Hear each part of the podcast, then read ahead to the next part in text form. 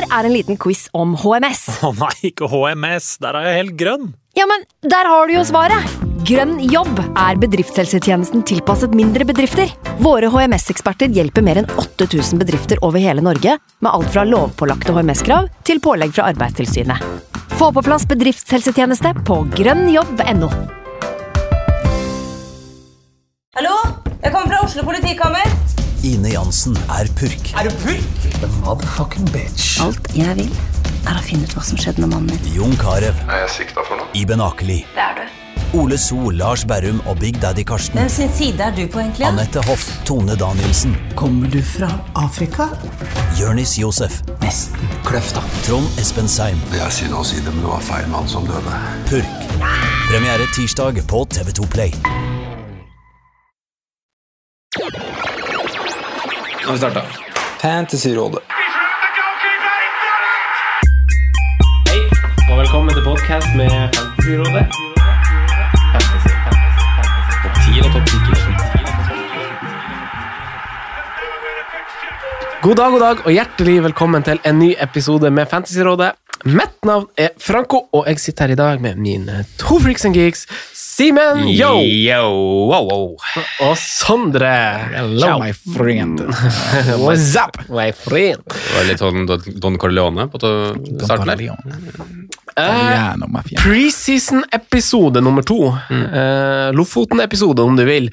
Dritten i midten Vi har hatt en sånn tradisjon for å kalle de her episodene sånn sommerting. Sånn Bikini-episode, paraplydrink-episode. Men nå har vi på en måte gjort kalle det Loen-episoden, da. nå har vi, Ja, Loen-episode. Loen-episode, eh, Trolltunge-episode, Lofoten-episode og Hundefossen.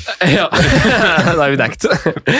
Eh, I denne episoden skal vi jo dekke dritten i midten, som er, la oss være ærlige, lag som ikke er uinteressant, men kanskje ikke er like mye vits å dyp, dykke så dypt i som eh, de opprykka lagene var. Eh, så vi har lagt til rette for et lite innledningstema. Og det handler litt om strategi, litt mål for sesongen. Eh, og vi har jo forberedt noen tanker hver på, på hva, vi, eh, hva vi ser for oss der. Eh, Simen, eh, hva er din, din strategi og ditt mål for sesongen? Du, du, ordet ditt. Ja, målet er jo Så målet er eh, topp 10, eller topp 10 000. Selvsagt.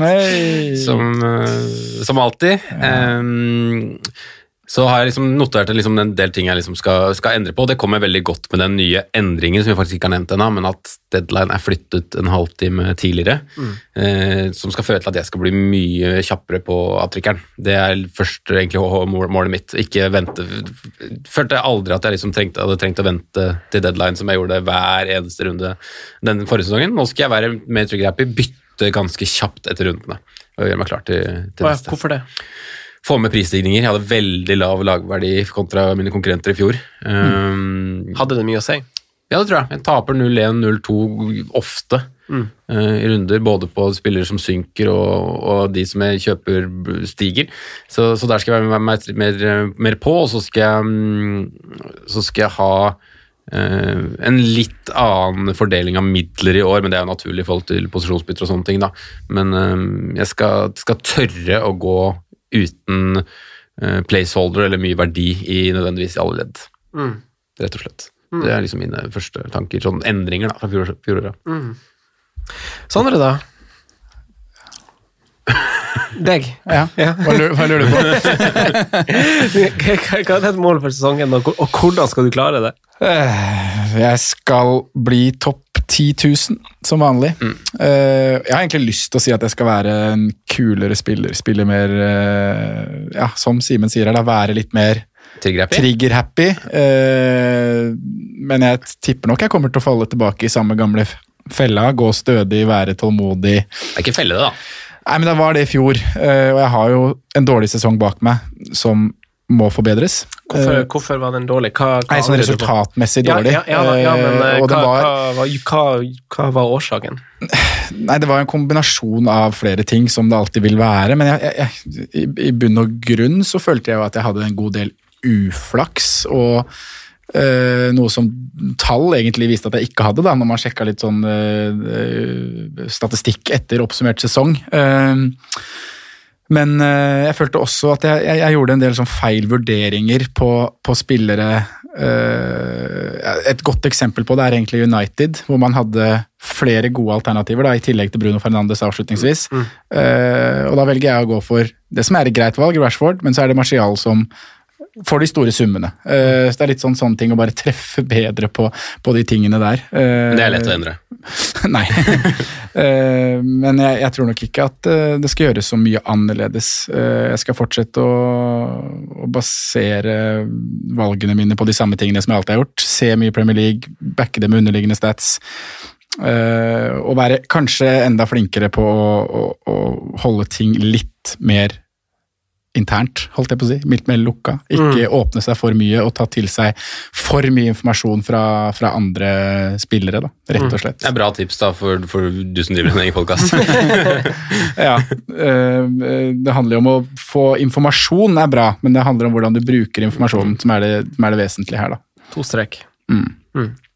to strek er du da, Franco. Jeg har notert meg noen punkt sjøl. Jeg vet ikke om han Sondre var ferdig. Nei, kjør du. Ja. Skyt, deg inn. Det, det, jeg, har- det, som, eh, det handler jo om å kartlegge litt feilene, og hvor, hva som på en måte er, er det som kanskje har vært litt ødeleggende for meg. Og Twitter er jo en av de, Uh, uten at jeg kanskje helt vet det sjøl. Så, så skal jeg styre unna tråder, selv om veldig mange av de er gode, og sikkert er både godt utarbeida og hjelpsom for mange. Men jeg tror det sender meg litt sånn ubevisst på avveie. Og, og og alle spillere kan jo snakkes opp. Jeg kan jo lage en tråd om eh, hvem som helst og få den til å virke bra. ikke sant? Syrcheck, for eksempel. Surcheck, for eksempel. Ja. Godt eksempel. Og jeg skal sikkert, eh, sikkert jeg, kan, altså, jeg kan jo grave opp stats om han Evobi, som jeg syns er kul. Hvis jeg bare har bestemt meg på at jeg vil ha han Evobi, og så bare leser jeg det som er nødvendig for at jeg bare skal ta det valget. ikke sant?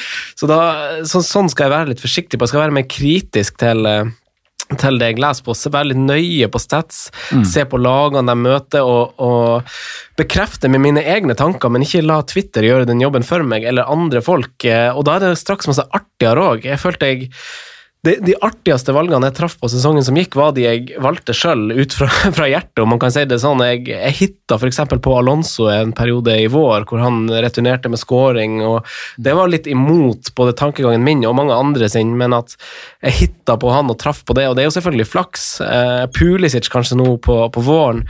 Eh, Vardi til den Southampton-kampen. Eh, det jo minner jeg husker jeg av valget jeg tok sjøl, som ikke var pressa av noen andre. da. Og jeg får jo lov til å se masse Premier League hjemme, jeg får lov. Så, så jeg må, må følge FFS-prinsippet med form, fixtures og stats eh, når jeg gjør et bytte, tenker jeg. At, at spilleren har i pose og sekk. Ings er et eksempel. Sesongen som gikk nå, hvor jeg, eh, hvor jeg avventa fordi jeg trodde han skulle bli skada i et tett kampprogram, eh, hvor jeg trodde det skulle, ikke skulle vare, for, fordi kampprogrammet også var tøft. Eh, så jeg venta liksom, med, å, med å bytte inn en spiller som, eh, som, som leverte på de tingene jeg eh, altså på de prinsippene jeg liker å følge, da. Eh, og ikke nøle fordi å tenke at NVS, NVS, jeg tror han kommer til å Nei, han leverer nå, da må jeg bare sette han på. Ikke, ikke gidde å vente. Eh, og da satt jeg jo til gjengjeld med han, med han Vardi, som på en måte blir et eksempel på det motsatte. At jeg sitter for lenge på en spiller fordi han har fint kampprogram, jeg tror det kommer til å snu, og det gjorde jo det, men det gikk jo lang tid før det skjedde, ikke sant? Og, og jeg satt med han, og han Leste var dårlig. Det var ingen god grunn til at jeg skulle sitte med han. For Den perioden jeg husker jeg veldig godt, for vi, vi var jo i samme båt. Mm. og det er litt det jeg mener når jeg snakker om at tålmodighet må finne en gylne balansegang i det å være tålmodig. da. Mm. for, for akkurat når det kommer til Vardi der, så back, det var mye som backing i stats. da. Han så ikke bra ut, Leicester så ikke bra ut, men Vardi var vel den som på en måte skapte det lille de hadde.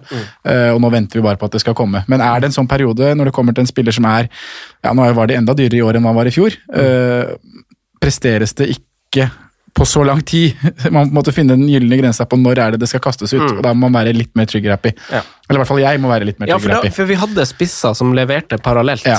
Eh, spesielt når, det, når det, situasjonen er sånn. Uh, da var, var det ikke, er det ikke noen grunn til å vente. Eh, den andre tingen jeg har skrevet, eller en til ting jeg har skrevet, er kaptein, og spurt meg selv om jeg skal tørre litt mer. Jeg Mm. tror, uten at jeg har sjekka opp, at jeg hadde truffet litt bedre, hadde jeg vært litt modigere. Mm. hadde jeg stolt på magefølelsen min litt oftere. Selvfølgelig ikke være veldig sånn yolo når at det er 60% som kaptein er Bruno Fernandez, så skal jeg kapteine noen helt andre. Men når løpet er litt jevnere, at jeg kan stole mer på magen og ikke bare bare altså En generell kjøreregel er jo at man går med mengden på kaptein, hvis ikke så, så er nedsida mye større enn oppsida. Eh, men jeg føler at når løpet er litt tettere på kapteinsplass, at jeg skal tørre litt mer. Eh, også fordi det er artigere, men fordi at jeg føler at jeg kan stole på min egen intuisjon. Sondre, så du Ja. hadde replikk. Nei, jeg synes Det er interessant at du drar opp det med kaptein, for jeg er jo også den øh, følger den regelen der, at man skal følge massene når det kommer til kapteinsvalg. Eh, forrige uke så hadde jeg et, uh, en prat med Ole Moen, som var vinner av vår liga, uh, og ble nummer 20 i verden i fjor.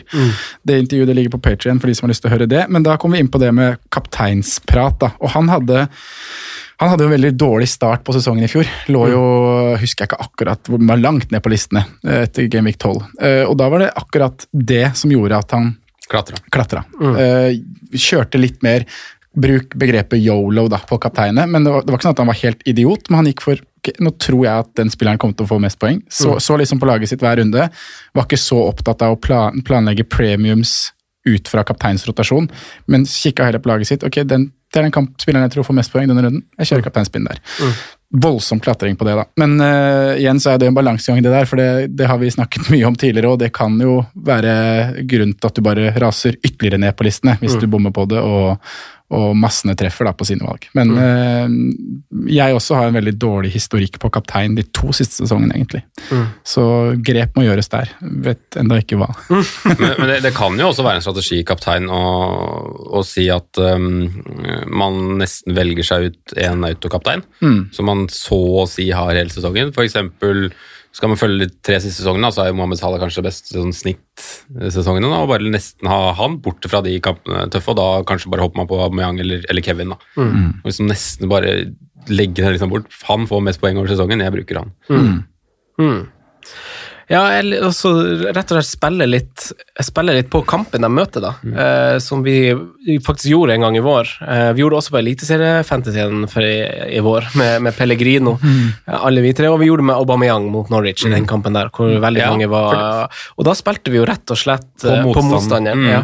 At vi Eh, finner de trendene, f.eks. når Brighton var skal vi si, bøtte med dritt. ja, ja, at vi kapteiner da mot Yes. ja. Ukonsekvent om Brighton har hjemme- eller bortekamp, bare mot Brighton. Ja. Eh, så det har jeg notert meg, og så det, det er egentlig det, det med kaptein, og det at jeg skal eh, det blir på en måte litt som deg, Sondre, at jeg skal holde kortene litt tett til, til brystet og stole litt mer på, på egen intuisjon og magefølelse, og, og selvfølgelig lese opp på stats og se på kampprogram og finne den gylne kombinasjonen av når og hvor jeg skal bytte. Eh, Simen? Og så har jeg, jeg er litt usikker på hvordan dere er i det terrenget, men jeg vurderer om jeg, mer seriøst skal tenke eh, å bruke mer fire bak. Ja. Litt fordi at når jeg fikk en liste nå på hvilke spillere under Jeg husker ikke akkurat hva gapen var, men jeg lurer på om det kanskje var under seks. Mm.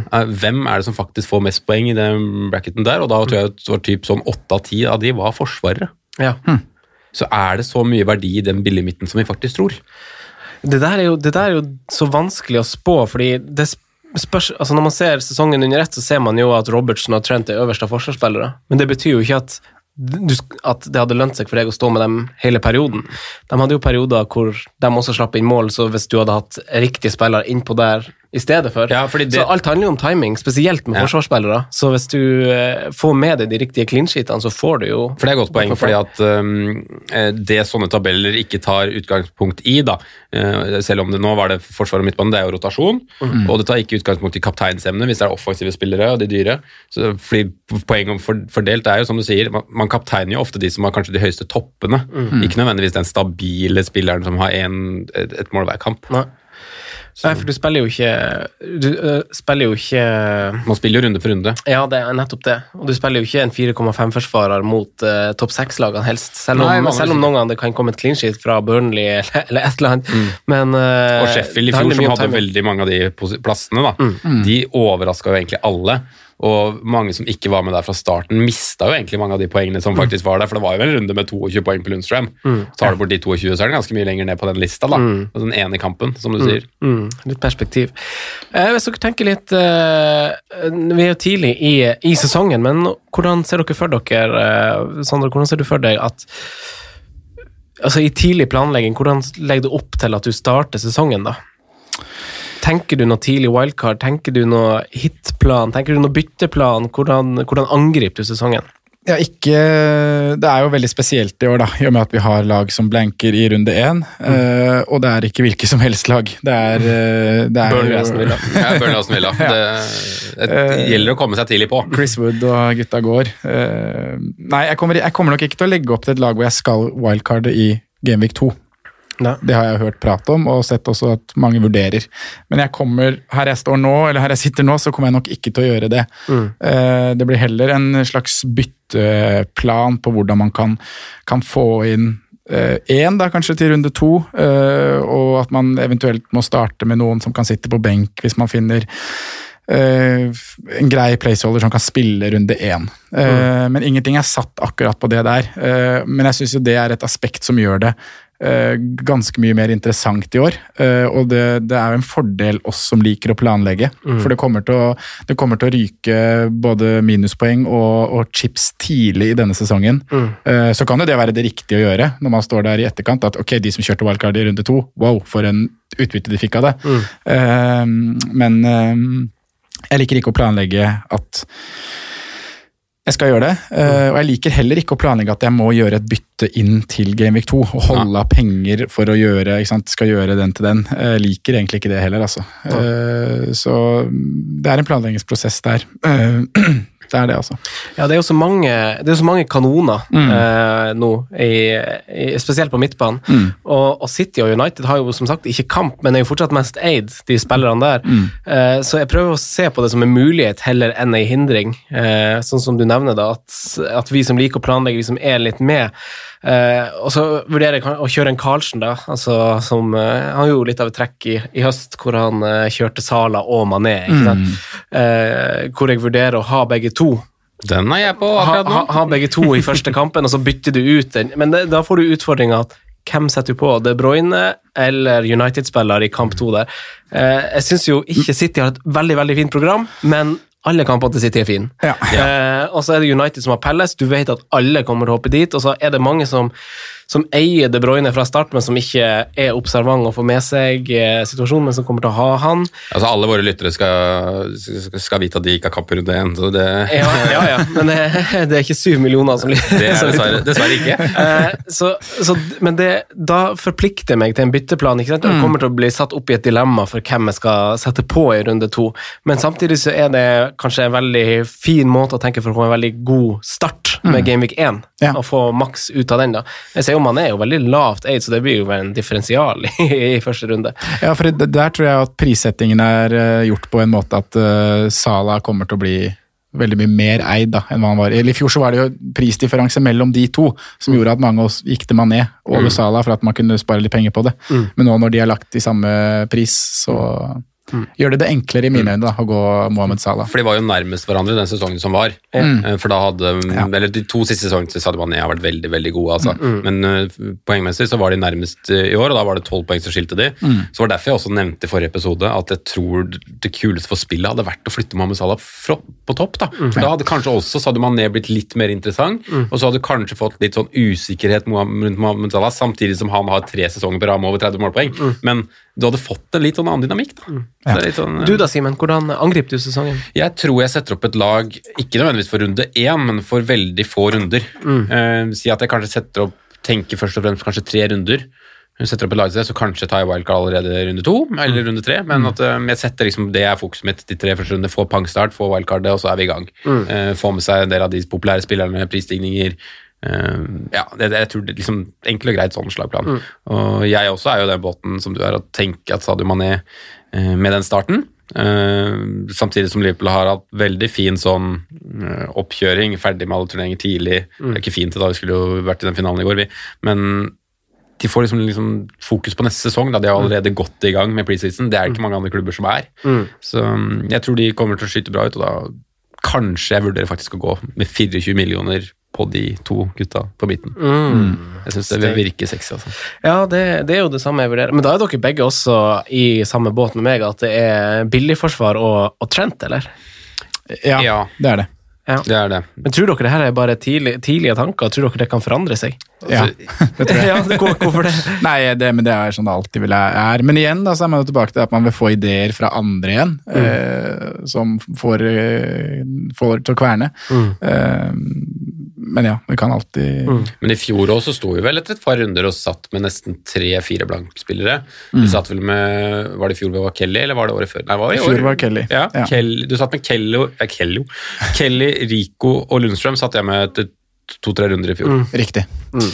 Stemmer det. Stemmer, stemmer det. Um, nei, jeg tenker også å angripe litt sånn kortsiktig. Jeg syns jo ingen lag har et, har et kampprogram som er grisedeilig. Uh, ser jo Tottenham har jo et grand program, Leicester har et grand program, men det er jo lag som jeg ikke syns var veldig god på angripende tredel på tampen, da. Uh, som ikke hadde helt den flyten, men kanskje en pause, og kanskje man spiller litt mer på fixtures nå på høsten enn enn ellers i sesongen. Uh, vi vet jo at sånn er Son var vel involvert, jeg ser her, har det foran deg, men i 50% av skåringen til Tottenham sesongen som gikk, Oi. som highlights. Uh, Vardy involvert i 52 for Leicester. Uh, det er to, to spillere som har et fine kampprogram som, hvis man tar det i betraktning, så Sjekka du bare de tallene, eller var det de som var øverst på antall prosent? Eh, nei, nå har jeg tatt over tolv kamper starta, eh, så Pukki har jo 58 okay, Ok, målinvolvering.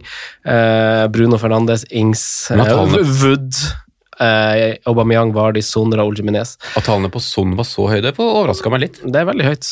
faktisk. Eh, Jeg syns jo prisen til Son er eh, litt sånn eh, Hvorfor? ja, det er en lav. Hvorfor går han ned fra i fjor? Mm. Ja, det er, det er rar. Ja, Han kunne like godt stått på 9,5. Ja. Skal vi hoppe, 11 på, skåringer, 13 er sist.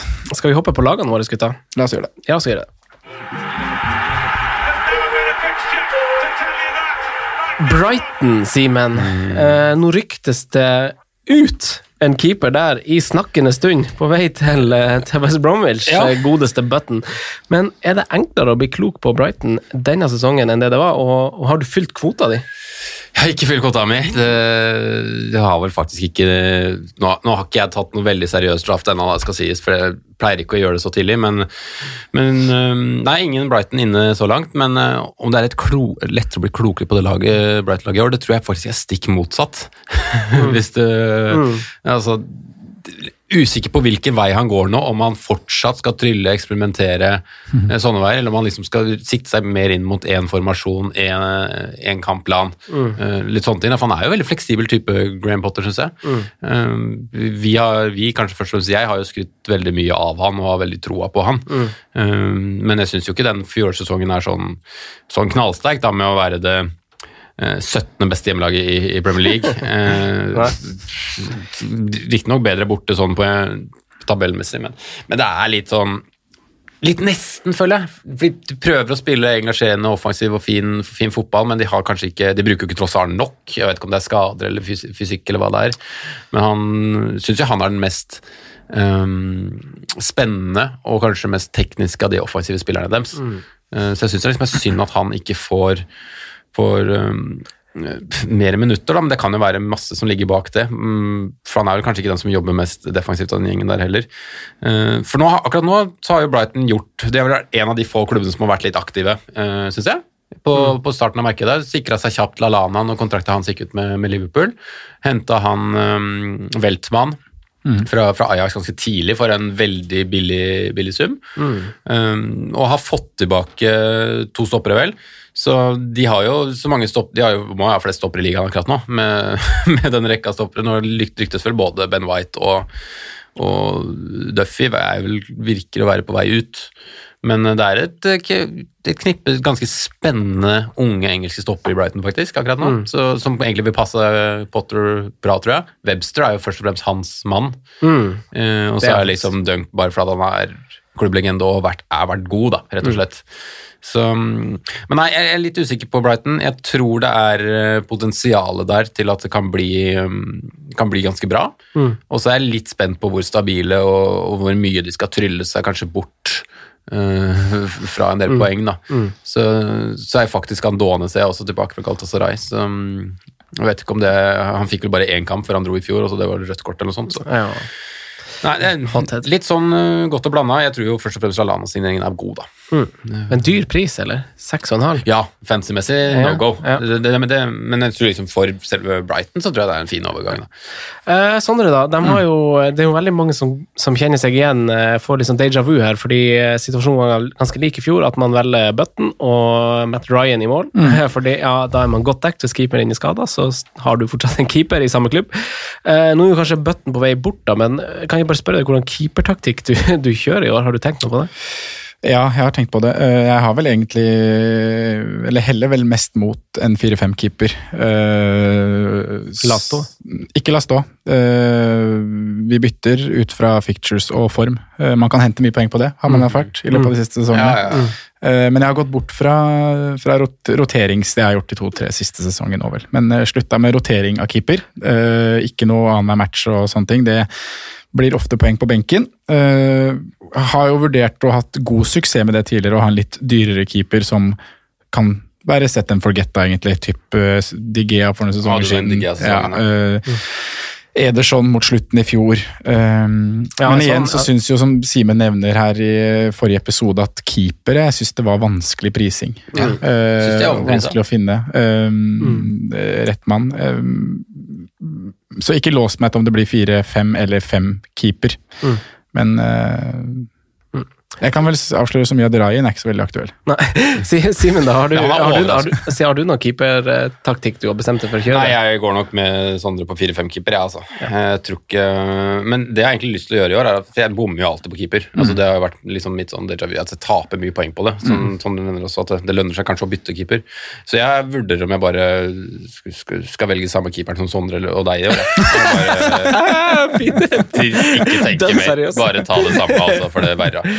La noen andre gjøre den. Ja, ja, altså Jeg bomma så totalt på Ryan i fjor. Altså, fikk én tier, og det var den bortkamp på Old Trafford eller hva det var for noe. Og så Ja, stemmer det. Det, ingenting. det er greit nok at det er den posisjonen som er lavest prioritert, og jeg syns, jeg syns det er fair. Mm. Og du vil nok spørre mange, mange fantasy-managere som nedprioriterer plassen helt, som gjør det veldig bra. Uh, men det er jo flere veier til rom. Det er ikke sånn at du bare følger det den personen gjør, og så er det det riktige. Nei, nei. Uh, man kan vinne med helt ulike strategier og gjøre det bra med helt ulike strategier. Mm. Og jeg så han Ederson for meg på, på sesongtampen i fjor, så snitta jo han med 5,4 poeng for meg på de kampene jeg brukte han, og det er jo helt eh, bananas bra til, eh, til en pris av seks. Ryan snitta sikkert på 2,5 for meg. Men, eh, men jeg, jeg velger også som periodekeeper, jeg er veldig pro det. Eh, ellers har jeg lite å si om Brighton. Jeg så at han tross alt er involvert, har starta 22 kamper, involvert i høyst målinvolvering i klubben, da, 44% så dersom det skulle vise seg at, at det bare er en sånn første sesong hvor han må spille sitt varme i trøye, og at han kanskje er litt mer inne i varmen nå, så er jeg helt enig med deg, Simen. Ellers så har jeg skrevet Brighton har kanskje de beste 4,5 midtbanespillerne, da. Eh, kanskje Ja. Bizuma spesielt, eh, som jeg jeg syns det var litt sånn rart å velge de her eh, 4,5 midtbanene. Jeg tror han Dale Stevens synger på siste verset snart, og Oriol Romeo er litt inn og ut, vet vi, så han får et gult kort. Klinker til et mål, men Var det år du fikk scoring på han? jeg fikk, jeg fikk 11 poeng inn fra han på benken en gang. men Sondre, har du noe, noe siste ord på Brighton før vi går videre? Nei, Det er greit å nevne Neil Mopai, kanskje. da. Mm, ja. Eh, 6-5 og er jo den, eh, den spissen som på en måte har best stats i det prissjiktet der. Mm. Eh, eh, både totalt sett over hele sesongen i fjor, men også de seks siste kampene. da. Uh, 13 målpoeng, eh, 10 skåringer, 3 assist. Eh, til å være første sesongen i Premier League, så må jo det være, må jo det være godkjent. Eh, og det, jeg tenker jo at det kan kan vel kanskje bli enda bedre i år, da. Så øh, ikke noe jeg har som liksom aktuelt fra start her, men på et eller annet tidspunkt så kommer nok han til å være inne i en spissdiskusjon, tror jeg. Ja, det tror jeg òg. Det er jo en del spillere, så, sånn som de to vi nevner, de offensive spillerne der, men som har bare har én sesong i Premier League. Det har jo en del å si, det. Det har Å ganske spille mye å seg si, litt varm i altså. trøya. Og, og begge litt sånn um, små fysiske. Altså, man prater jo mye om det, og fotballen har selvsagt forandra seg. Det er jo ikke sånn at du må være 1,85 og, og veie 90 kilo for å spille Premier League, men um, det kan jo være at man har fått en del juling og liksom er liksom sliten, at det er derfor man ikke orker liksom å spille fullt ut. da. En annen som kan være litt artig å se på, er jo han uh, Alexis McAllister, Ja. som begynte å spille på våren. 5,5. Uh, tok en del dødballer, og en liten fun fact er jo at han har jo to brødre som heter McAllister. Han ene heter faktisk Kevin, det samme som han i Alene hjemme. Det, det, det, det er jo litt artig. Argentinere, det er litt rart. De er jo Ja, gode på, F, det, de det er er også på artig fun fact Ja. at de er argentinske. Okay, men, Han får mye skryt òg, McAllister. Ja. Så det er, det er egentlig det jeg har om Brighton. Skal vi hoppe videre til neste lag? Ja, La oss. Sesongen som gikk, var det tidvis mer spennende å høre på gresset gro enn å se Crystal Palace. Ingen lag med flere kamper hvor det kun ble skåra ett mål. Eh, Bournemouth var vel tett i den konkurransen der, dem òg, men Sondre, hva kan eh, Samurai, Ayu og, og Saha dra på hatten denne sesongen her? Nei, Med all respekt for, eh, for Roy og Crystal Palace, så er det her et av de kanskje kjedeligste lagene å snakke om, altså. Eh, Det er det kjedeligste laget. ja, vi skal klare å holde det ganske kort, tenker jeg. Eh, men som du sier, da, det var jo en sesong som vi kanskje så for oss. Eh, endte på 14.-plass i fjor. Eh, og de skal jo være veldig glad for at de hadde bra med poeng før koronastoppen, fordi etter oppstart der så vant de én kamp, spilte én uavgjort og hadde syv tap. Jeg har notert med dem som et av de lagene som hadde dårligst trend. Ja, Det var, helt, det var grisete. Det var veldig grisete. Bare Norwich som var verre. Eh, Ja, det var det vel fort vekk. Eh, og det var jo tøffe kamper, da, det skal jo legges inn, men eh, du så jo et lag som kom tilbake totalt blotta for motivasjon, og det var jo også noe vi var veldig sånn spente på når vi kjørte de preseason del to-episodene. Hva er det Palace kommer med? De har jo faktisk mulighet til å henge seg på med en europaplass her, men det er jo ikke noe de vil. ikke sant? Og da blei det som det blei, da. En veldig dårlig, dårlig trend. Eh, totalt sett i fjor, du nevnte lite mål. De skårer jo altfor lite mål. Mm. hadde IU på, på ni mål som sin toppskårer, eh, og Wilfred Saa skuffa jo voldsomt. En spiller som var linka til eh, ja, bl.a. Arsenal da, før sesongen i fjor. Eh, jeg regner med du som Arsenal-supporter egentlig er ganske glad for at den overgangen ikke kom gjennom, selv om det kanskje hadde vært en annen sa vi hadde fått sett i Arsenal-drakt, det vet man aldri. Men eh, det er liksom ikke noe sluttprodukt der, da, og stabilitet. Så det er vel egentlig én ting som skal snakkes om når vi er inne på Crystal Palace, og det er jo deres nysignering øh, i forsvar.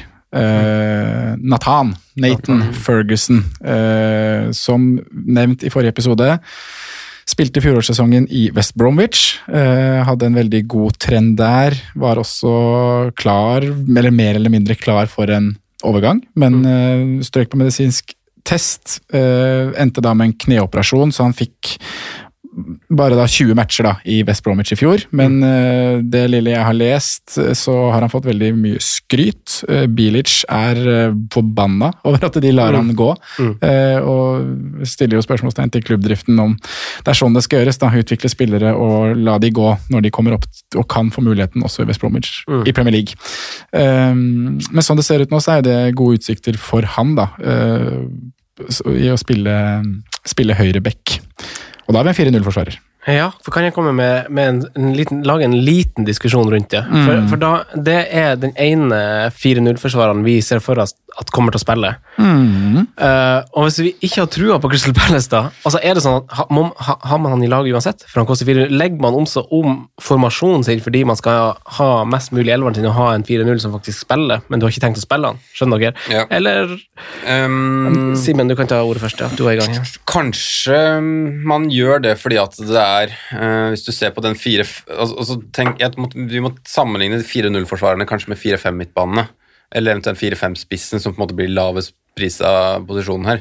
Og, og det er jo, selv om vi ikke tror på Crystal Palace, så vil jeg jo tro at det er større sjanse for at Nathan Ferguson og Crystal Palace holder nullen, enn at uh, Stevens i Brighton skårer mål, eller at eh, spisser til 4-5 har vi da, men Conor Wickham skårer mål, liksom. Altså, mm. Det er jo faktisk det. Så det er jo bedre å ha Nathan Ferguson som nummer 12 enn å ha midtbanespillerne, syns jeg, da, til, til 4-5. Men så kan det være at eh, kanskje du skal ha en halv mil da på benken. Kanskje det gir deg den lille effekten den ene gangen du må, du må få inn en fra benk. For i år så vil det jo bli tettere kampprogram enn vi er vant til. Så det vil jo kanskje bli mer rotasjon i enkelte lag. Um, så, så ja, men jeg syns jo en, Jeg liker jo 4-0-forsvaret. Det er jo Ja, ja. det er en grunn til at alle prater om det. Den billigste veien inn, ikke sant. Ja, det er det. Sondre, da, er det, altså, når det tilbys så mange gode 4,5-forsvarere som det gjør det snakkes om ganske mange Ja, men, det i, skal, i ulike fora. men men mindre du har tenkt å spille fem bak, så skal jo på en måte ikke alle brukes samtidig. da. Nei. Og da er det jo greit å kanskje ha spare i 0-5 på én av de og kjøre Ferguson. Eh, og han kan jo også spilles i hjemmekamper, selv om vi på en måte sier at vi har ikke så veldig trua på Palace. De hadde en dårlig avslutning i fjor. Så var det jo De, de hadde seks clean sheets på hjemmebane. Eh, og det er jo, hvis man liksom går inn og ser på det, så kom de clean sheetsa. De kom mot Everton, de kom mot Villa, de kom mot Norwich, uh, de kom mot Bournemouth, uh, Watford, Newcastle. ikke sant? Det er de laga man tenker at ja, nå holder Palace nullen. Ja. Da kan han spilles. Så det er på en måte et mønster i det. da. De gjør det mot de antatt dårligere lagene. vinner 1-0. Mm. å ha altså, Rettferdiggjør det her ha to forsvarere til 4-0? Altså at du Hvis du finner altså, to spillere. at, at du, Nei, men at, at, den, at den femte forsvareren din ikke spiller. At du har to til fire ja. 4-0, Ja, og at du, er- at du legger til rette for å bruke han Ferguson i de kampene, og så har du tre andre. Du har, du har f.eks. Ruben Vinagre, som snakkes veldig mye om, eh, James Justin eller noe sånt, og så Trent, og så har du Ferguson, som du rullerer inn i noen kamper, og så er, Og at sistemann er død, rett og slett. Ja. Ja. Det er jo en vanlig gå, taktikk, det, ja. som, som jeg syns er grei. Og jeg tenker jo egentlig at det er ikke så viktig at alle 15 i troppen din spiller. Nei da. Nei. Men det er sjelden du får bruk for mer enn førsteinnbytteren, liksom. Ja. Og så har du et wildcard å falle tilbake på. Ja. Det, blir- det blir noe annet når du skal planlegge ut. så har du jo hits, og Ja, ja, herregud. det går så fint, så. Men det er jo noen fine hjemmekamper i starten her da, for Mm. Crystal Palace. Både Southampton, Everton og Brighton er de tre første hjemmematchene. De har ti clinches i fjor totalt. Mm. på 38 kamper. Det, det er ganske bra snitt, det, altså. Ja. Og Guaita har fått prisen av fem av, av en grunn. Ja, det er Eh, god keeper. Ja. Så da går vi videre til neste lag, Sondre. Hvis ikke du hadde noe mer på Pelles. Eh, vi sitter sikkert med Ferguson alle sammen når sesongen starter, og så ikke noe mer enn det. Jeg har ever. faktisk ikke inne, da. Nei, det ser du. Um, Nei, for du, kjører, du har en femmer bak i draftet, har du ikke det? Ja. Jeg har det. Eh, vi går videre til Newcastle United. Steve Bruce han gjorde sine saker godt han med det vi an eller syns var en veldig begrensa tropp, Simen. Eh, er det her noe å bygge videre på, tenker du? Em, bygge videre på. altså Det er jo opp imot gørr kjedelig minus uh, Sant Maximæ, da.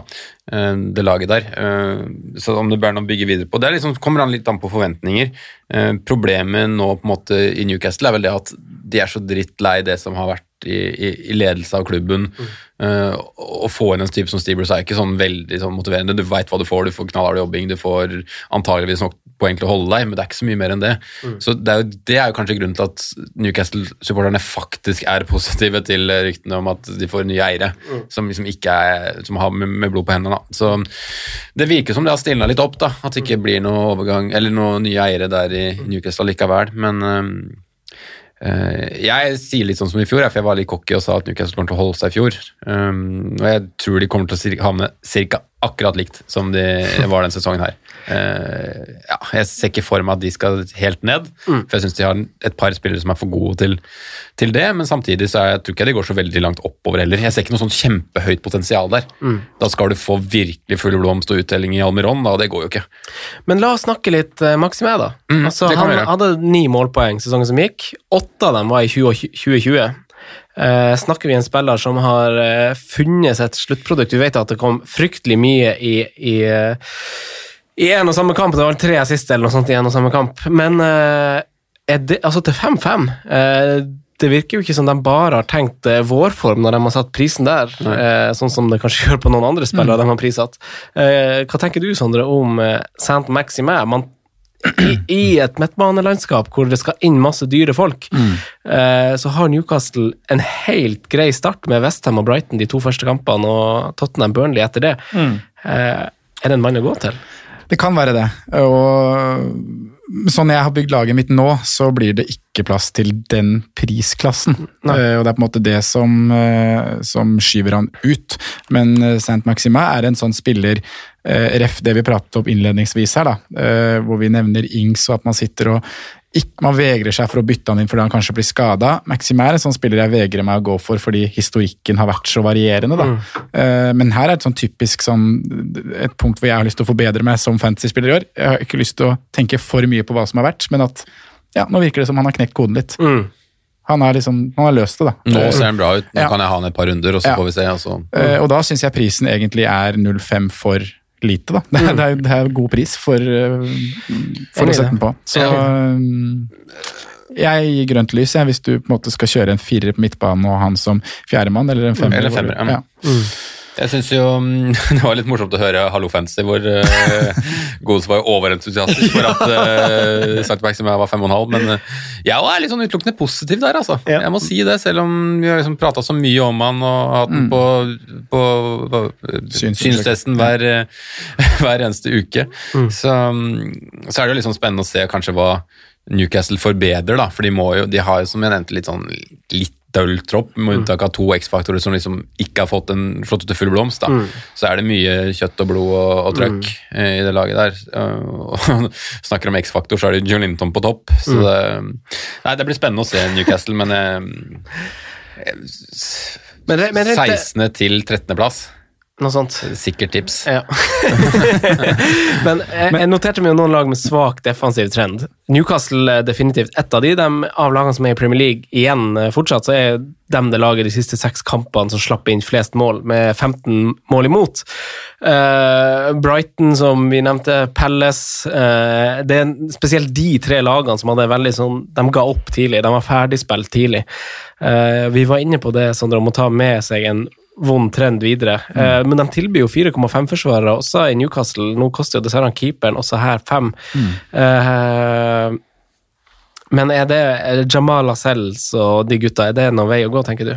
Ja, jeg syns egentlig det kan bli spennende. Uh, skal nevnes at de, de siste matchene som du nevner her, da, med dårlige defensive tall, så møtte de Liverpool, Tottenham og Westham som uh, kjempa med kniven på strupen. Uh, så det skal dras med i den, uh, den vurderinga, syns jeg. Uh, syv clean sheets på hjemmebane i fjor. Eh, holder jo på en måte nullen mot litt alle lag, da. Der hvor man kanskje har tenkt at Newcastle er et sånt som Crystal Palace, som stenger mot de antatt dårligere, så har også Newcastle stengt mot mot Manchester United, mot uh, Chelsea, uh, men da kanskje i en periode hvor Manchester United ikke var det Manchester United vi så på våren igjen. Eh, men i hvert fall så har de gjort det litt mot alle typer motstandere. Litt vanskeligere å lese, med andre ord. Ja, Selv om de faktisk har en clean sheet mer enn en Palace sånn sesongen over. Det, det er litt overraskende. ja. Det hadde jeg faktisk ikke visst hvis jeg ikke hadde sett det nå. Nei. Hadde faktisk sheet mer.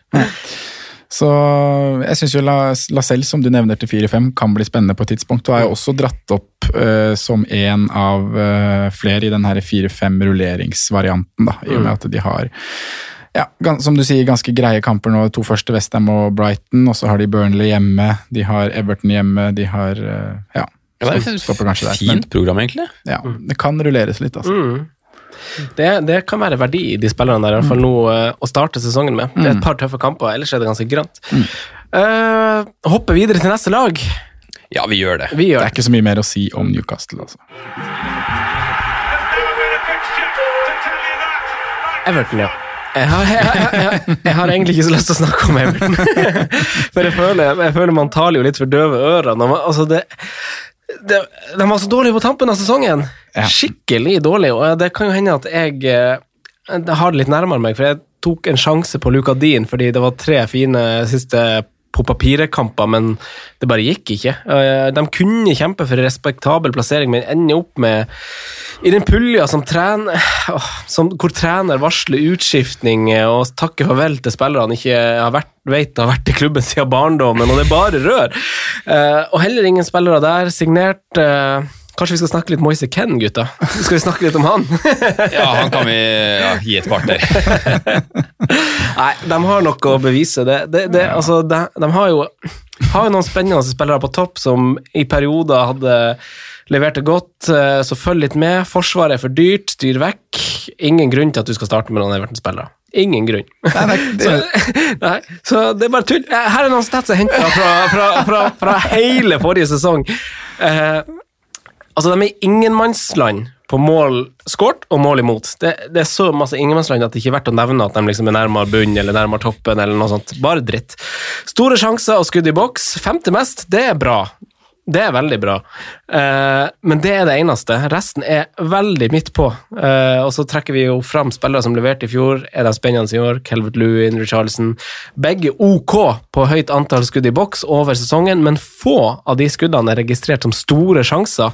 Ergo det er skudd fra litt dårlig vinkel. det er ja, spesielt kanskje det, da. Så, så påstanden der styrkes nok også over at de har ganske lav expected goals til sammenligning med hvor mange skudd de har i boks, da. Eh, ellers så har jeg ikke så, så masse på Everton. Sondre, har du, har du eh, lyst til å legge til noe? Posisjonsendring, da, kan vi nevne. Få høre. Richarlison, kan Jo, spiss. Ja, Ja. spiss, ja. Det er riktig, det er bra. De har jo et fint program, da. For å liksom trekke fram noe som er positivt her. Eh, West Bromwich, Palace og Brighton i 2, 3 og 4. Men eh, det gjør ikke så jeg starter med noen av disse gutta. Er jo Tottenham borte i første kamp, da. Ja, Det er jo 0-0, det. Men det er jo 18 Nei, hva var det jeg leste nå? Det var jo 18 målpoeng på godeste Richardson forrige sesong. Da. Men jeg Ja. syns jo det er respektable tall. Det jeg, jo både, både han og Calvert. Ja, Calvert Lund, han fant jo virkelig tilbake sitt, til sitt sanne jeg eh, etter korona. mm. Hvor han så ut som den championship-spissen han er, Simen. Eh, Men 13 mål der var jo veldig godkjent, Ja, må ja, man ja, jo kunne ja, si. ja, ja. Eh, Men han er jo skrudd opp i pris, da. Det er jo riktig, selvfølgelig, men koster nå syv. Så nei, det er eh, Everton de, de ligger i midtsjiktet og er egentlig ikke så veldig aktuelle, altså. Jeg tror nok Calvert Lewin får mindre mål i denne sesongen her enn han hadde i fjor. Det føler jeg meg ganske trygg på. Det er ikke den tøffeste meldinga du har hatt. det, nei. Nei, Richarlison tror jeg faktisk uh, kan opprettholde den nesten forbedre også. Men det Ja, Richarlison var jo, han er jo var bra. men det avhenger litt av at de finner, den, finner tilbake til den perioden rett etter um, Angelotti tok over. For da var det litt trøkk, da var det litt punch i boks, det kom noen bra eh, curlere fra sida. Altså det var liksom Det var noe, da. Det var starten på noe, og så døde det egentlig helt ut uh, på skolen. Og da var det Richarlison pluss 10. Men Richarlison med 13 skåringer nå to sesonger på rad, Ja da. Det jo fem og tre assist, det er jo gode tall det han har levert. Ja. Og han er jo for, øh, Ikke sant? Han får bare mer og mer erfaring og, og Det er jo målpoeng i annenhver match. ja. Det er bra Men spørsmålet er jo om prisen Han, han blir prisa litt ut her, da. Ja, skal han spille spiss hele sesongen?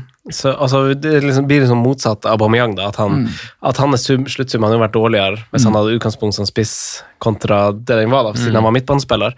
Men eh, kommer han til å spille spiss hele sesongen? Kanskje. Kanskje. Eh, men ellers så syns jeg det som er så overprisa i det laget Forsvaret, det er jo bare å styre unna. Det er jo ingen under fem. Er Jerry. Mina 5-5, Branthwaite Luka kan- Dean 6 Ja, hvis han starter han, han kan være den siste mannen du nevnte i stad, hvis du kjører uh, Ferguson som nummer fire og Brandfest som nummer fem. Kanskje han får en kamp i ny og ne, liksom. Ja. Venstrebeint stopper. Ja, ellers, og midtbane er jo eh, høyst uinteressant. Ja, Det er den dølleste midtbanen tror jeg har sett i dag. ass. Eh, ja. Gylfi Thor er ikke så høyaktuell som han var ved sesongstart i fjor. Starta for meg i fjor, ass. Gjorde det? Mm. Ja. Gjorde han det? Seks målpoeng hadde han. Pickford skrudd ned 0-5, Ja, det er jo bra. men fortsatt ikke aktuell. Nei, han er jo ikke det. Nei. Han er jo ikke det. Eh, Nei, vi, vi hopper videre. Kan vi ikke bare gjøre det? hoppe videre til siste lag. Ja, det er litt, litt mer spennende Vi her. det. Etter åtte tap på sine første tolv kamper, eh, like mange som de for øvrig hadde på sine 30 neste, eh, totalslakt av Leicester beholdt de Ralf ved styret. Sesongen kan vel i lys av eh, det her kalles en suksess, Sondre. Er de på riktig spor?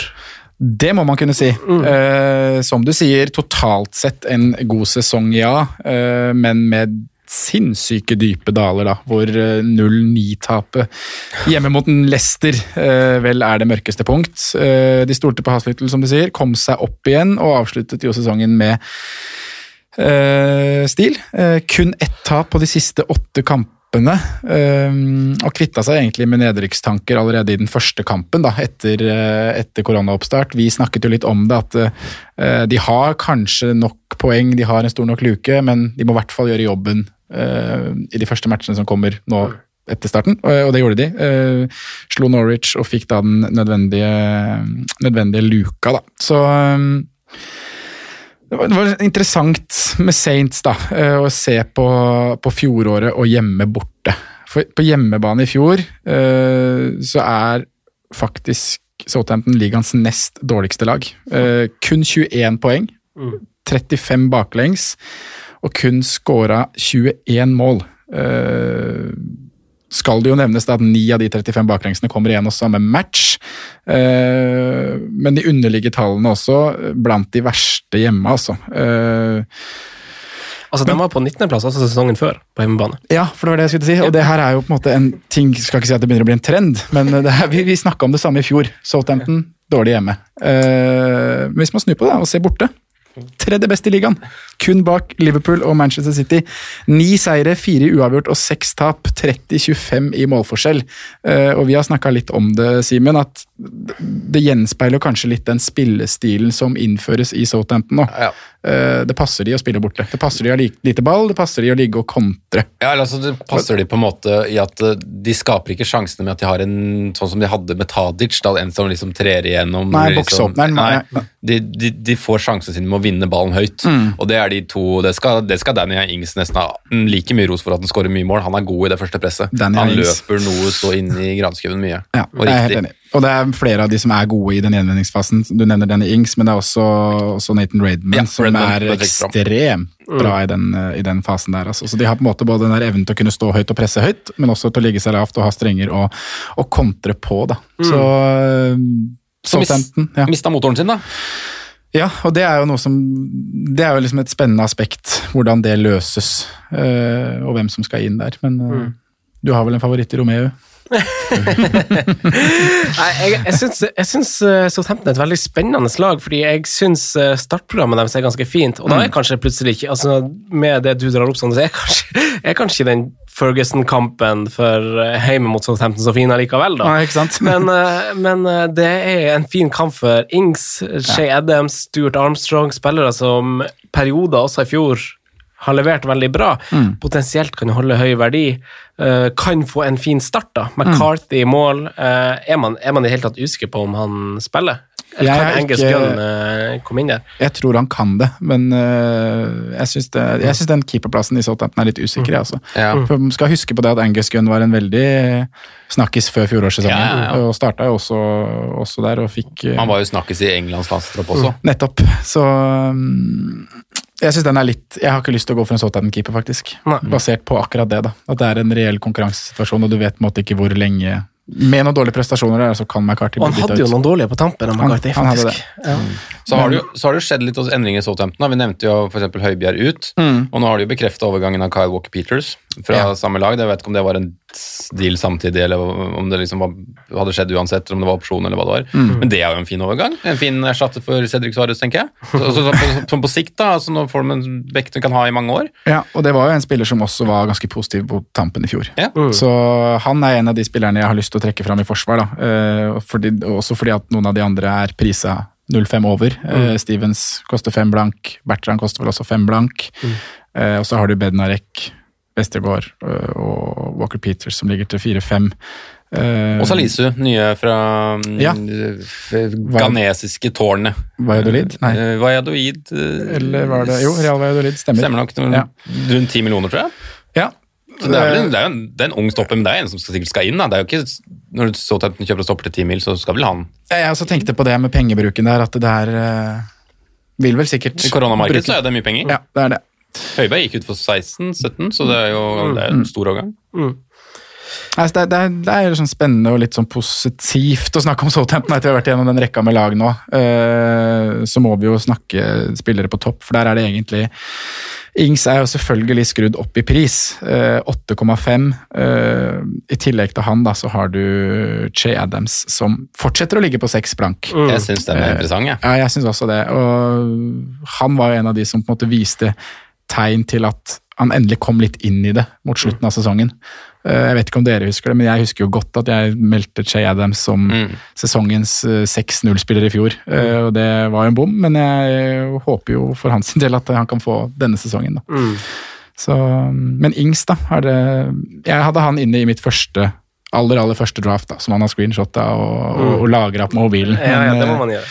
men uh, han er ikke inne nå lenger. Men har dere tatt noe standpunkt på Ings? Jeg har ikke hatt han i noen draft. Jeg har, hatt, jeg har hatt han Shay Adams, men jeg tror ikke jeg kommer til å ha han heller. Nei. Syns dere Eh, prisen er for høy på Ings? Ja.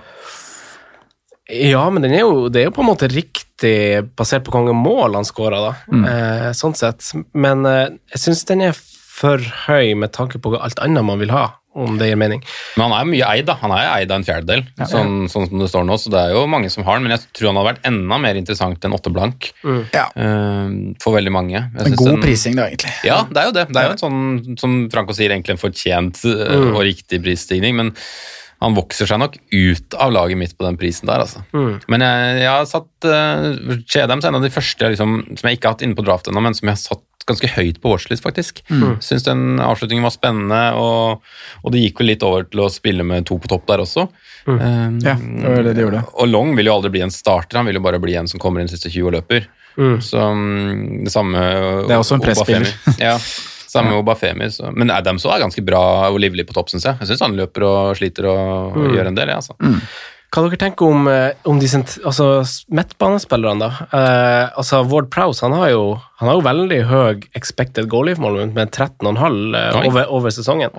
Eh, det er jo veldig bra, eh, i motsetning til Redmond, da, som er på, nede på 7,7, og, og Armstrong, som er på, på 4,3, men mye mindre spilte kamper og litt ulike roller hatt i det laget. Mm. Eh, er det verdi i eh, Ward Prowse sånn, til seks, eller? På dødballer, det er jo det som Ja, drar tall- det her opp. ut fra hva du legger fram, så er det jo egentlig det, Mm. syns jeg. Men jeg visste ikke at tallene var så høye Mm. som de faktisk var. Det er veldig høyt, faktisk. Det er gode tall, men uh, han blir han er jo ikke main man i det Southampton-laget. Eh, og da er det heller, hvis du sammenligner han med andre seks spillere som er åpenbare mains i sitt lag Pereira som Pereira, for sist, eksempel. kanskje. Mm. Så detter han på en måte ned på lista. Da. Men jeg hadde jo forventa egentlig Armstrong oppe på seks blank også, etter den fjorårssesongen. Mm. Ja, i hvert fall avslutningen. Der ifølge Fantasy Football Scout er mulig. Tallene er ulike fra, fra side til side, men ja, Ja, ja. Så man kan jo, hvis man vil, som du liksom nevnte litt i jeg husker ikke om det var i denne podcasten eller forrige, at man kan jo legge fram statistikk veldig positivt, uavhengig om det egentlig er det. Man kan liksom dra fram akkurat det man trenger Mm. eh, i en tråd. Ja. Eh, Så du må liksom se litt på det hele bildet, da. Nei, spennende lag. Det kan, jeg skal ikke se bort ifra at jeg starter sesongen med litt Southampton, faktisk. Én eller to. Men um, Ja, og så er jo kampprogrammet jeg vet ikke om Du nevnte det vel så vidt, men det er ganske fin start her. altså, Med både Palace, Burnley, West Bromwich i løpet av de fire første. Everton og Villa kommer i seks og syv, Newcastle i åtte. Et godt program. Men vil det, altså, Vi prata litt om bortetallene til Southampton i stad. Ja. Um, vil det gjøre at Southampton-spillere egentlig er mer aktuelle i de fire-fem-bracketen kanskje aller mest? da? Fordi at de kanskje er mer hva skal si, ficture-proof? da? Fordi Ser du på Palace, så er det kanskje lettere å si at okay, vi skal spille de hjemmekamper, men også er de på benken i bortekamper. Men en 4-5-forsvarer i Southampton Jeg vil jo tro kanskje tallene jevner seg mer at de blir bedre hjemme og svakere borte, kanskje litt mer normalisert. Men altså, de kan jo egentlig spille da alle kampene, uavhengig av hvem de møter. Da, sånn sett, for de kan jo vil kanskje ikke holde nullen mot de beste borte, men de kan jo, kan jo fort ha, få bra tall, eller bra resultater. da, Borte mot West Brom, borte mot Westham, borte mot uh, fixture proof. Ja. Og det de gjorde litt i fjor, var at de holdt nullen borte mot som det snier der, de holdt nullen borte mot Brighton, mot Sheffield United. Uh, Chelsea blant annet holdt de nullen. vant Jeg ble litt 2-0 på gira på. Walker Peters, jeg nå. Uh, Norwich. Det er det de podkastene skal være for. Man skal få, få øye opp for litt artige folk. Ja. Kyle. Kyle, Kyle, Kyle. Men da, gutta, tror jeg det er på tide at vi runder av. Eh, Preseason-episode to. Vi er tilbake neste uke, og så er vi i gang. Skal, skal, skal vi velge spillere? Skal vi? Ja, skal vi velge spillere? Jeg glemmer navnet. Du må ikke ikke, må ikke lukke PC-en så tidlig når du hører manuset ditt. Fryktelig ivrig, du nå. ja. uh, jeg tar en tyggis hos deg, Sondre. Jeg gjør det. Slags okay. litt i mikrofonen, det er fint for lytterne. Keeper, keeper Sondre. Keeper. Mm, bare tenke på hvem vi har gått gjennom, jeg nå. Det er ikke mye spennende keeper her. Jeg skal ikke ha Ryan, jeg skal ikke ha Vet du hva, jeg sier Dubravka, jeg. Oi. Fem blank. Mm. Mm. Jeg sier Matt Ryan. Det går ikke. Jeg sier McCarthy, tror jeg. Jeg tror han starter. Ja. Eh, forsvarsspiller, Sondre. Mm, Det blir jo Ferguson. På en måte er det fordi han koster fire og ligger an til å spille og kan spilles i hjemmekamper. Eh, Brighton-forsvaret er ikke på. Newcastle, Everton ikke fra start. Eh, men også frista av Walker Peters her når vi runder av med Ja. en fin og god Southampton-prat. Men eh, det er Ferguson som står. Jeg tror denne episoden her vippa meg vekk fra McCarty og over på Walker Peters. Jeg. Så jeg sier Walker Peters. Walker Peters og Ryan. Der forsvant også den følger oss på keeperplanen din. Ja. Allerede der. Tilbake på Ryan. Jeg er vel på Ferguson, jeg òg. Midtbane, Sondre. Mm. Saint Maxime. Jeg du går der, ja. Mm. Jeg går um, Jeg går um, Trossar. Ja. Oi. En av de to. Saint Maxime, Maximé. Du går samme der? Ja. Ja. Jeg har et par draft med han, faktisk. Mm. Jeg syns den våren er for god til å bare legge helt bak. Leke deilig! Spiss, Sondre! Mm, Joe Linton skal vel spille det meste i Newcastle. Men uh... Du. Sa du min mann? Nei. Nei, det blir eh, Danny Ings som skal velges fra den bracketen vi har her, selv om han koster 85. Det er vanskelig å få plass til den, men uh, hvis jeg måtte gått en av de spissene her, så hadde det vært han. Mm. Hvor mange mål er, liksom, er to og en halv eh, verdt, da? Altså differansen der? Ja, det er ikke akkurat Sala Mané vi snakker forskjell i pris her. Det her er jo to og en halv i forskjell på Shea Mm. Adams og, og Danny Ings, Ja, ok da. faktisk. Men jeg tror han kommer til å skåre ti mål mer. Ja, kanskje. Da er det jo verdt det. Ja. Det er jo glatt verdt det. Men, Men Shea eh, lander på 12, Danny Ings skårer 22. ja, Da er begge verdt det, da. Lander, Lander lander, begge. lander Shea på tolv, så kjøper jeg. altså. Ja, jeg gjør jo egentlig det sjøl, for da kan du bruke de pengene For da kan du ha gå, gå Mitrovic Shea så har du skal vi se, 15 på Mitrovic, 12 på der, 27 mål. Ja, det er bra, ass. Er bra! Det er bra. Ja, det, det handler jo om hva du gjør med de to altså, Du må ikke Ja. sammenligne så isolert, men hva du gjør med de 2,5 ekstra. Ja. Gir det deg De Bruyne over mm. Mahrez? Nei, altså det, er- det er tre mann som jeg vurderer å liksom nevne nå. Da. Det er um, Neil Mapai, det er uh, Shea Adams og det er uh, Danny Ings. Litt sånn watchlist på Richarlison, selv om jeg ikke har tro på Everton, men jeg tror på han. Så, men jeg ender på uh, Shea Adams. Jeg gjør egentlig også det, og det er litt bare for hva som er aktuelt for meg. hvis jeg skal begrunne det, kjapt, Men Ings er jo isolert sett, hvis alle hadde kosta det samme, det beste. Da takker vi for denne episoden, gutta. Vi har to episoder igjen før vi knuser til med noen kjempegjester og Game Week 1-episode. og Mm, Skal vi vi er- allerede? Vi er i gang. Ikke mer enn det. Nei, ikke Snakes on a plane. Snakes on a plane. Ha det bra. Ha det. Nei, ja. Takk for at du hørte på vår podkast. Vi setter stor pris på om du følger oss på Twitter, Instagram og Facebook. Vi er fans i rådet på alle mulige plattformer.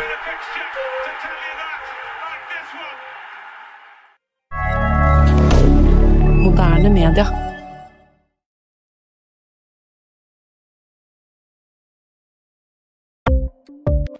Ukens annonsør er Folio, en smartere banktjeneste for deg som har en egen bedrift eller ønsker å starte for deg selv.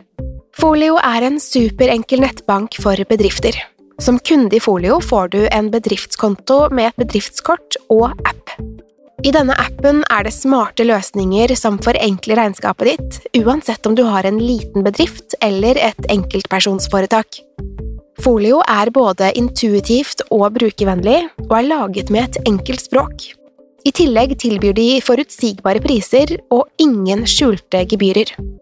Skulle du likevel trenge det, så kan du snakke med deres raske og hyggelige kundeservice, og der får du prate med en faktisk person og ikke en chatbot. Folio er med andre ord både enklere og koseligere enn banken. Over 10 000 bedrifter har allerede valgt Folio som sin banktjeneste, så besøk folio.no og se hvordan Folio kan forenkle din hverdag også. Har du et enkeltpersonforetak eller en liten bedrift? Da er du sikkert lei av å høre meg snakke om hvor enkelt det er med kvitteringer og bilag i fiken, så vi eh, gir oss her, vi. Fordi vi liker enkelt. Fiken superenkelt regnskap.